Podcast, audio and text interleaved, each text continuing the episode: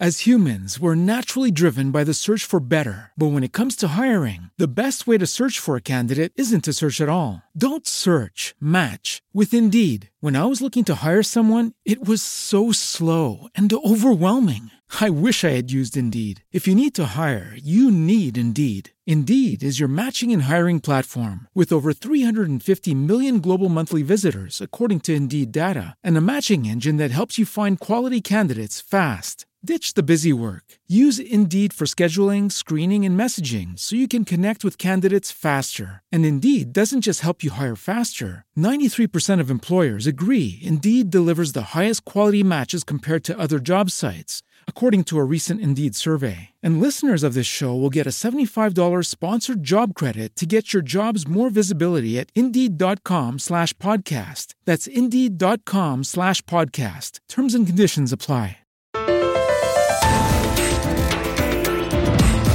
Rozmowy niekontrolowane.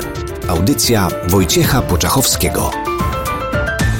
Przy mikrofonie kłania się Wojciech Jerzy Poczachowski, a także mój gość i współautor audycji, pan profesor Zygmunt Woźniczka. Jesteśmy w naszych audycjach y, w takim obszarze opisu jednego z najbardziej zbrodniczych systemów w historii, w historii ludzkości i ten taki górny, górnolotny ton nie jest tutaj przypadkowy, bo sam komunizm i jego najbardziej, najbardziej ludobójcza forma, jaką był stalinizm, rzeczywiście nie ma żadnego odpowiednika w, w historii, w historii człowieka cywilizowanego.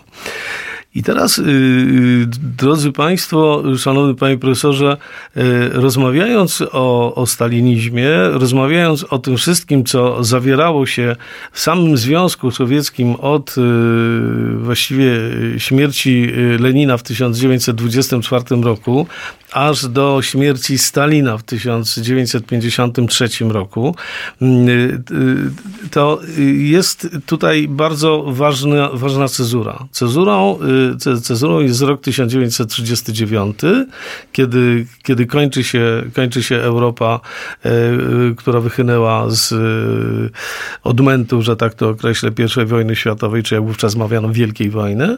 Mm, I rok 1945, który e, stworzył Imperium Sowieckie. Do roku 1939 roku to był kraj, który y, właściwie można byłoby, używając nomenklatury współczesnej, to był kraj trzeciego świata.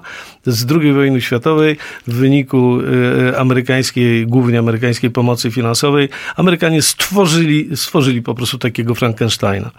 Stalinizm y, kończy się nie ze śmiercią Stalina w dniu 5 marca 1953 roku, ale kończy się de facto tajnym y, referatem wygłoszonym przez y, Nikitę Chruszczowa, czyli przez ówczesnego y, genseka, czyli, czyli generalnego sekretarza Komunistycznej Partii Związku Sowieckiego.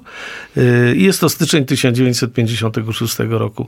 Mówiliśmy w poprzedniej audycji, panie profesorze, o tym referacie.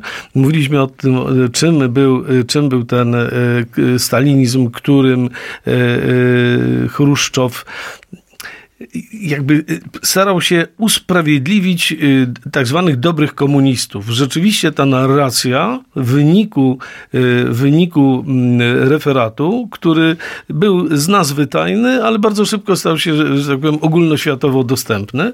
Mm, I ten referat miał w mojej, nie tylko w mojej ocenie, zasadniczą rolę do spełnienia. I dlatego jego upublicznienie raczej nikt nie nie wierzy w to, że ono się obyło tak y, mm, przypadkowo. To po prostu było takie świadome wypuszczenie szczura na zasadzie, żeby jeszcze bardziej podkręci, podkręcić mm, taką y, y, sensacyjność tego, tego referatu. Dlatego, że to ratowało komunistom twarz na całym świecie że stalinizm rzeczywiście był zły, Stalin to był zbrodniarz, stalinowskie zbrodnie były okropne, ale w kogo był ten stalinizm wymierzony? On był wymierzony w komunistów właśnie. Czyli komuniści stali się ofiarami, stali się ofiarami komunizmu, prawda? Dla, dlatego sam komunizm był dobry, bo ten komunizm był przecież atakowany przez stalinizm. To jest troszeczkę taka, taki sam zabieg, jaki udało się Niemcom wykonać od lat 50. i dzisiaj z dużym skutkiem, że zrzucili odpowiedzialność z siebie na y, mitycznych nazistów, prawda? I dzisiaj za drugą wojnę światową y, odpowiadają naziści, a Niemcy są pierwszą ofiarą nazistów, prawda? I takim sposobem mm, y, pojawiają się y, głupcy skrajni, tak jak to niedawno miało miejsce, że jedna z posłanek PO powiedziała, że prawda, pan premier próbuje zrzucić odpowiedzialność za zbrodnie nazistowskie na Niemców, prawda? Można, można być takim skrajnym idiotą i opowiadać takie rzeczy. Ale to się wzięło przede wszystkim stąd, że wcześniej komuniści skutecznie zastosowali ten zabieg.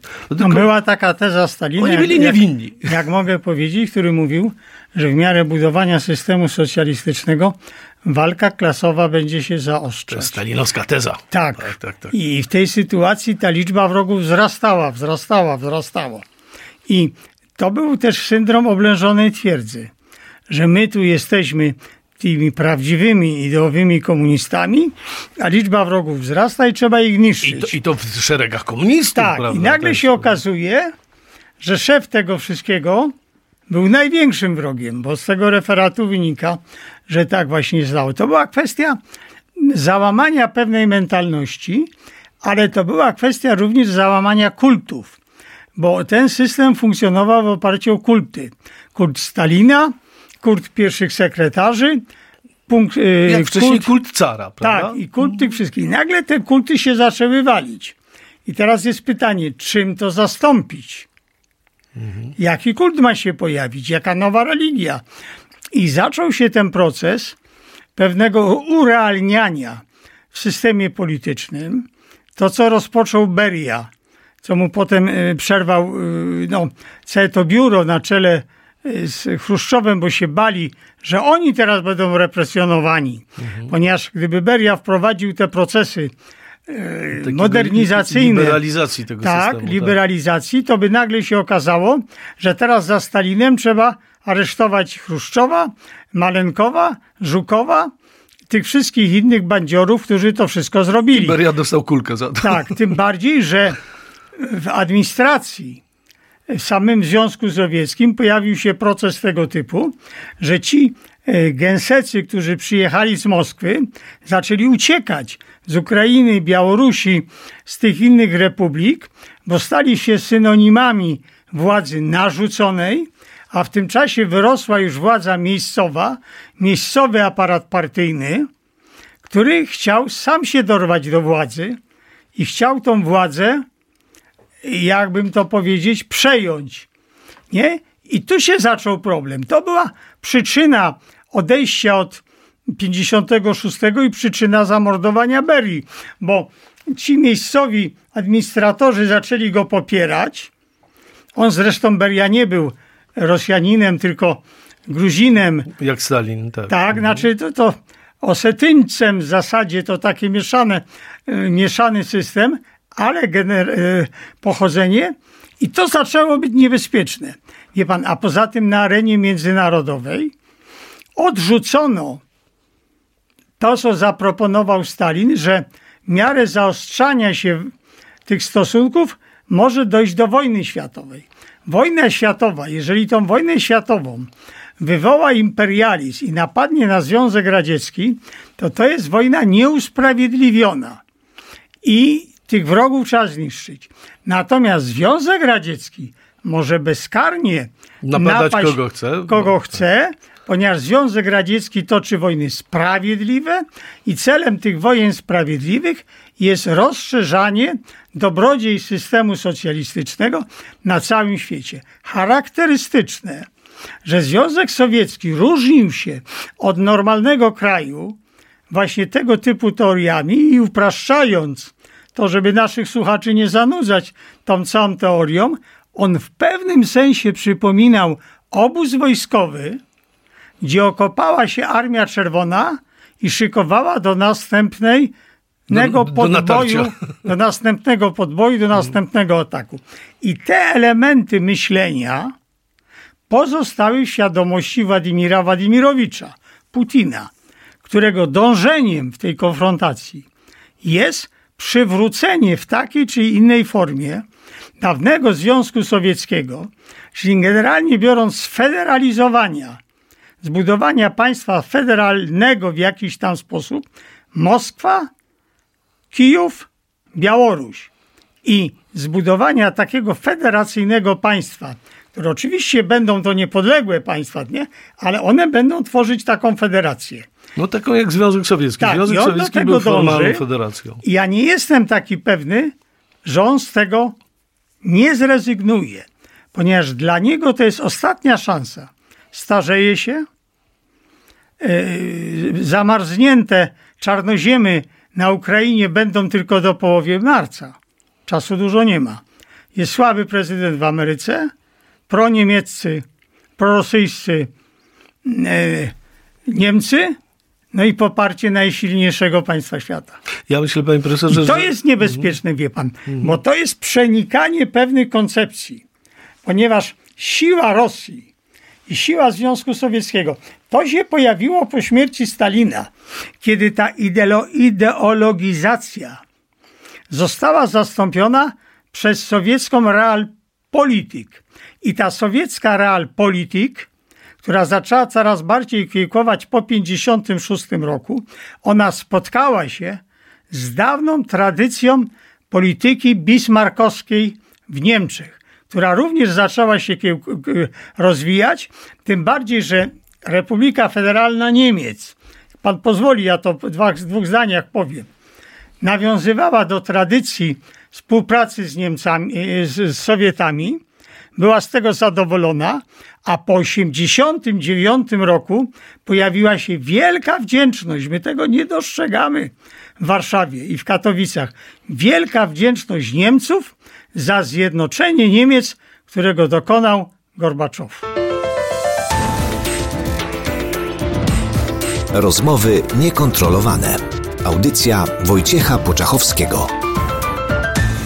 Panem profesorem Zygmuntem Woźniczką rozmawiamy mm, między innymi o e, pewnych relacjach rosyjsko-niemieckich. Pan profesor y, bardzo y, trafnie y, poruszył ten wątek e, relacji rosyjsko-niemieckich, które dzisiaj mm, możemy obserwować z dużym niepokojem, ale ja bym powiedział, panie profesorze, tak.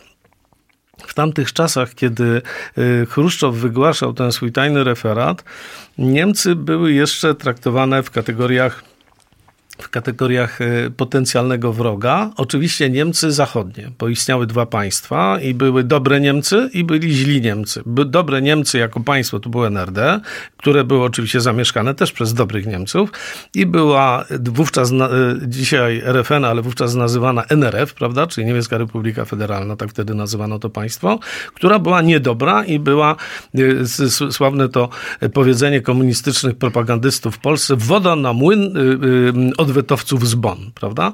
I y, w rzeczywistości y, dla y, nas dzisiaj spojrzenie na relacje niemiecko-rosyjskie to jest takie spojrzenie troszeczkę zabarwione, powiedziałbym, doświadczeniem wynikającym z paktu Ribbentrop-Mołotow i bez przerwy my Polacy y, słusznie obawiamy się y, y, tego sojuszu.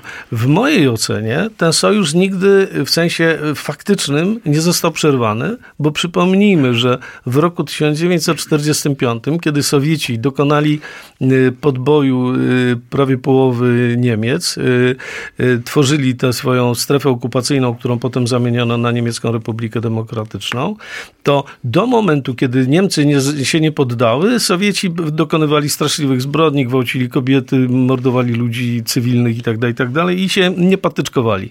No, y, mentalność niemiecka i mentalność rosyjska jest bardzo podobna. Y, Jak to określał pan profesor Felix Koneczny, obydwa narody należą do narodów turańskich, czyli do narodów, które y, odwołują się bardziej do kultu siły niż do kultu moralności i odwołują się też do pewnego, do pe- pewnej hierarchii Im bardziej wojskowej. Rosjanie prawda? byli Niemców, to tym bardziej zyskiwali u nich szacunek. szacunek. Tak. I Paradoks. ale w drugą stronę jest tak samo. Tak. W drugą stronę jest tak samo. Im bardziej Niemcy bili Ros Rosjan, y, Moskali, tym bardziej y, y, zyskiwali, zyskiwali szacunek. I teraz dlaczego o tym mówię? Dlatego, że de facto nad wszystkim tak naprawdę, moim zdaniem, unosi się jednak duch Piotra I i Fryderyka to są y, pierwsze, y, y, w momencie, kiedy w 1701 roku powstały Prusy jako królestwo i one natychmiast zaczęły myśleć w kategoriach zniszczenia Rzeczypospolitej, a ponieważ same były małe i słabe, chociaż to nie Prusy same te książęce, tylko w połączeniu z, Brandenburgią stanowiły to królestwo, ale generalnie były słabe. Wobec Rzeczypospolitej, nawet tej, która w, wówczas w XVIII wieku no, przeżywała, czy zaczynała na początku tego wieku przeżywać e, kryzys polityczny, to jednak były za słabe. Musiały pozyskać sobie, sobie sojusznika w postaci Rosji. Sama Rosja też była za słaba, żeby postawić się Rzeczypospolitej, ale z Prusami stanowiła już związek. I jeżeli dokonano rozbioru Polski, to dokonano tylko i wyłącznie w sojuszu, e, w sojuszu e, Berlina i Petersburga. I ten sojusz uczy obydwa państwa po Anno Domini 2022, że tylko sojusz tych dwóch państw gwarantuje im takie imperialne A w wojnie polsko-bolszewickiej jakiego jedynego realnego sojusznika mieli bolszewicy? Właśnie Niemcy. Plus oszalałych liberałów amerykańskich mhm. i, i zachodnioeuropejskich, którzy popierali za bezdurno, no to pożyteczni idioci w ten czas Lenin ich tak nazwał, którzy popierali komunizm Europy Zachodniej. I to po 1945 roku się nie zmieniło. Po 1956 zaczyna się proces coraz większego zbliżenia niemiecko-sowieckiego. Zaczyna się tak zwana polityka detant. Detant, którego wyrazicielami jest Schmidt, Kohl. Z drugiej strony y, polityka ojczyzn de Gaulle'a która zmierza do tego, żeby uznać powojenne realia jałtańsko-poczdamskie, nie zmieniać tych granic, ale w oparciu o istniejące status quo geopolityczne rozwijać gospodarkę. I to zaczęło dawać wielkie efekty. To Zachód pompował Związek Radziecki od lat 60., 70., niwelując pewne kryzysy, jakie tam narastały ekonomiczne, powstała sytuacja podobna jak w okresie międzywojennym, gdzie Sowieci byli dostarczycielami surowców, natomiast Zachód technologii i kapitału. I coraz bardziej na tym dobrze wychodził. Przede wszystkim Niemcy, ale, e, ale również i Amerykanie, którzy w swojej polityce e, wygaszania zimnej wojny dążyli do tego, żeby odciągnąć Związek Sowiecki od sojuszu z Chinami. To jest wielkie, wielki projekt amerykańskiej polityki. Kissinger o tym pisał, mhm. czy potem Zbigniew Brzeziński, żeby zerwać ten wielki sojusz mocarstw Euroazji, czyli Chin i Yy, znaczy do momentu, tak. kiedy Chiny były słabym państwem, były to było słabym, realne, to się udało. Momencie, kiedy Chiny jest, stanowią jeszcze jedna potęgę, to już Amerykanie nie. popełnili pewien błąd. Zorientowali się później w czasie wojny koreańskiej. Wojna koreańska Czyli lata 50. tak, była mhm. na rękę Stalinowi. Znaczy on Stalinowi. ją wywołał tak naprawdę. No wiadomo, wywołał ją. Dlaczego? Dlatego, ponieważ Chińczycy wymknęli mu się spod kontroli. Ostatnim rządem, który ewakuował się e, z, od rządu Chai Kan-sheka, nie ma Ocetunga, był rząd Związku Sowieckiego. I Stalin był przeciwny zjednoczeniu Chin. No, czyli Tajwan. Był, no, rząd tak. Chiang Kai-sheka osiadł na Tajwanie. Na Tajwanie. Dzisiejszy On był Tajwan stanowi temu, Chińską. żeby władzę w Chinach przejął Mao Tse-tung. Mhm. Tym bardziej, że Mao Tse-tung wzorował się na cesarza chińskiego, był antysowiecki, miał brutalną siłę, był wielki, taki chiński chłop, prawie dwa metry wzrostu. Mhm. Nie mył zębów często. Przy tym Stalinie to wyglądał jak monstrum wielkie, klnął bez przerwy i domagał się broni atomowej. Nie tak jak. Którą uzyskał w końcu. Tak, nie tak jak e, Gomułka czy tam inni przyjeżdżali, to mieli gaciówę przed Stalinem, bali się. Nie, to było odwrotnie. Jak Mao przyjechał, to nie powiem, że Stalin się bał, ale to nie był taki chłopak na posyłki. Tak, do mały, to były konflikty o Mandżurię, przy- tak, wtedy się tak, zaczęły, właśnie. prawda? I To stąd się wziął ten konflikt I tu się, wie pan, tu się zaczyna coś takiego bardzo niebezpieczne. Budowanie tego sojuszu. Oczywiście, że w latach 60., 70. to jest ten nowy skok w Chinach, rewolucja kulturalna, kiedy Mao się stara nad, y, y, powiedziałbym, uzyskać przewagę. I druga rzecz, olbrzymia rywalizacja w ruchu komunistycznym po śmierci Stalina. Ponieważ po śmierci Stalina Mao Tse-tung powiedział chwileczkę, to teraz ja jestem przywódcą ruchu komunistycznego. Nie wy. I stąd powstał y, tak zwany maoizm. Maoizm jest osobnym ruchem tak, ko- i teraz, komunistycznym. I teraz rzecz, o której wiedzą oczywiście zawodowcy i państwo też na pewno. Pojawia się ten ruch z Warszawą. W październiku 56 roku, kiedy czołgi rosyjskie maszerują na Do Warszawę, Tak. y, kiedy Komar, szef bezpieki, ściąga oddziały KBW do obrony Warszawy. I rozdaje Sta- robotnikom karabiny. Tak, na hucie, żerani. tak, A jednocześnie fachowo każe budować doły i tam wjeżdżają czołgi. To dobra metoda. I wystają tylko wieżyczki. I to są bardzo dobre do obrony przeciwpancernej jednostki, bo tej masy czołgu nie widać całego, tylko armata. Samodział. Tak, i teraz, kiedy to się wszystko dzieje, to przyjeżdża nagle do Warszawy w czasie ósmego plenum Nikita Sergiejewicz Chruszczow. Nie i do Chaba wrzeszczy, job twoju mać, što ty działajesz w Polsce. I mu tutaj ręką mnie wymachuje. Jest już lekko wcięty. Zawieźli go do Belwederu. Tam siedział Ochab, e, Gomułka i tak dalej. I oni się zaczęli stawiać, że jednak oni to muszą zreformować i tak dalej, i tak dalej. I e, Ochab mówi Gomułka do e, Chruszczowa, towarzyszu, my nie zerwiemy sojuszu ze Związkiem Radzieckim, ponieważ wy jedyni uznajecie naszą granicę na Odrze Nysie Łużyckiej. Zachód tego nie uznaje, ale wy nie kochacie Związku Radzieckiego. I toczy się bardzo ostra gra, to jest parę dni, kiedy Sowieci się szykują, już są pod Warszawą.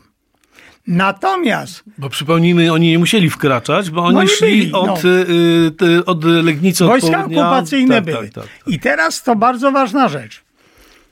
W Moskwie przebywa Malenkow, mini y, premier.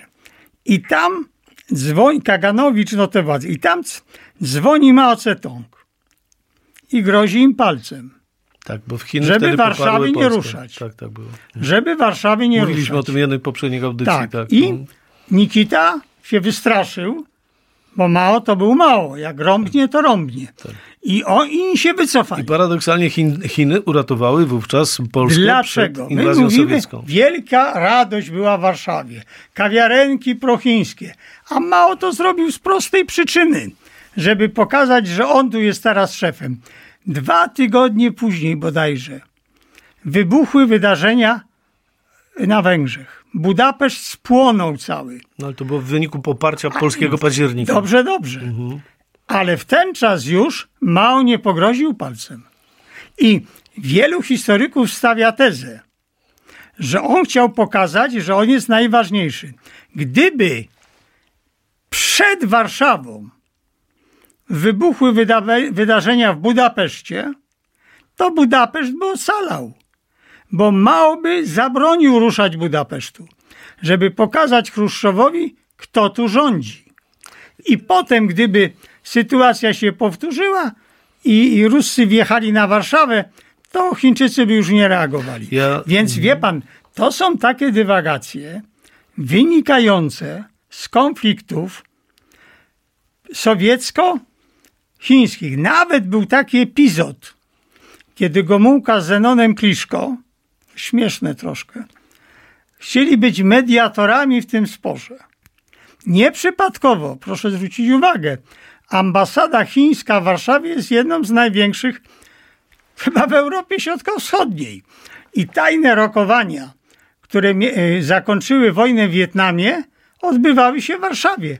Tej ambasadzie, na obok na alejach, piękna ambasada Stanów Zjednoczonych. Panie profesorze, kończąc naszą audycję, chciałbym tylko zaznaczyć, że ta teoria o tym, że y, Chiny poparły Polskę y, tylko dlatego, żeby pokazać, kto tutaj rządzi, gdyby wcześniej y, wybuchły protesty na Węgrzech, to pewnie Węgry by były tym takim miejscem wsparcia przez Chińczyków. To jest taka bardzo prosowiecka teoria. Druga teoria mówi o tym, że dla Chińczyków, co zresztą dzisiejsze czasy również pokazują, Polska i Warszawa są kluczowym miejscem na jakby transponując na zachód Europy i dla polityki chińskiej oparcie o Warszawę daje gwarancję pewnych działań, powiedzmy najbardziej wysunięty na zachód przyczółek do wejścia na rynki zachodnioeuropejskie i zresztą Chińczykom się to udało, bo poprzez działania w latach 70. i 80. opanowali rynki europejskie. Przecież po dzień dzisiejszy mówimy o chińskich produktach, które zalały między innymi rynek, rynek polski. Przy tym proszę pamiętać, że produkty chińskie to nie tylko to dziadostwo, które kupujemy Oczywiście. i niektórzy się złoszczą, ale super, super nowoczesna, nowoczesna technologia od elektroniki po super nowoczesne maszyny. Kto trochę się na tym zna, to wie. Dokładnie tak. Y, ale do tych wątków wracamy już w następnej audycji. Dzisiejsza nieubłaganie końca dobiegła. Przypomnę Państwu, że y, współautorem i gościem y, rozmów niekontrolowanych, jak zwykle, pan profesor Zygmunt Woźniczka. Rozmowy niekontrolowane. Audycja Wojciecha Poczachowskiego. As humans, we're naturally driven by the search for better. But when it comes to hiring, the best way to search for a candidate isn't to search at all. Don't search, match with Indeed. When I was looking to hire someone, it was so slow and overwhelming. I wish I had used Indeed. If you need to hire, you need Indeed. Indeed is your matching and hiring platform with over 350 million global monthly visitors, according to Indeed data, and a matching engine that helps you find quality candidates fast. Ditch the busy work. Use Indeed for scheduling, screening, and messaging so you can connect with candidates faster. And Indeed doesn't just help you hire faster. 93% of employers agree Indeed delivers the highest quality matches compared to other job sites, according to a recent Indeed survey. And listeners of this show will get a $75 sponsored job credit to get your jobs more visibility at Indeed.com slash podcast. That's Indeed.com slash podcast. Terms and conditions apply.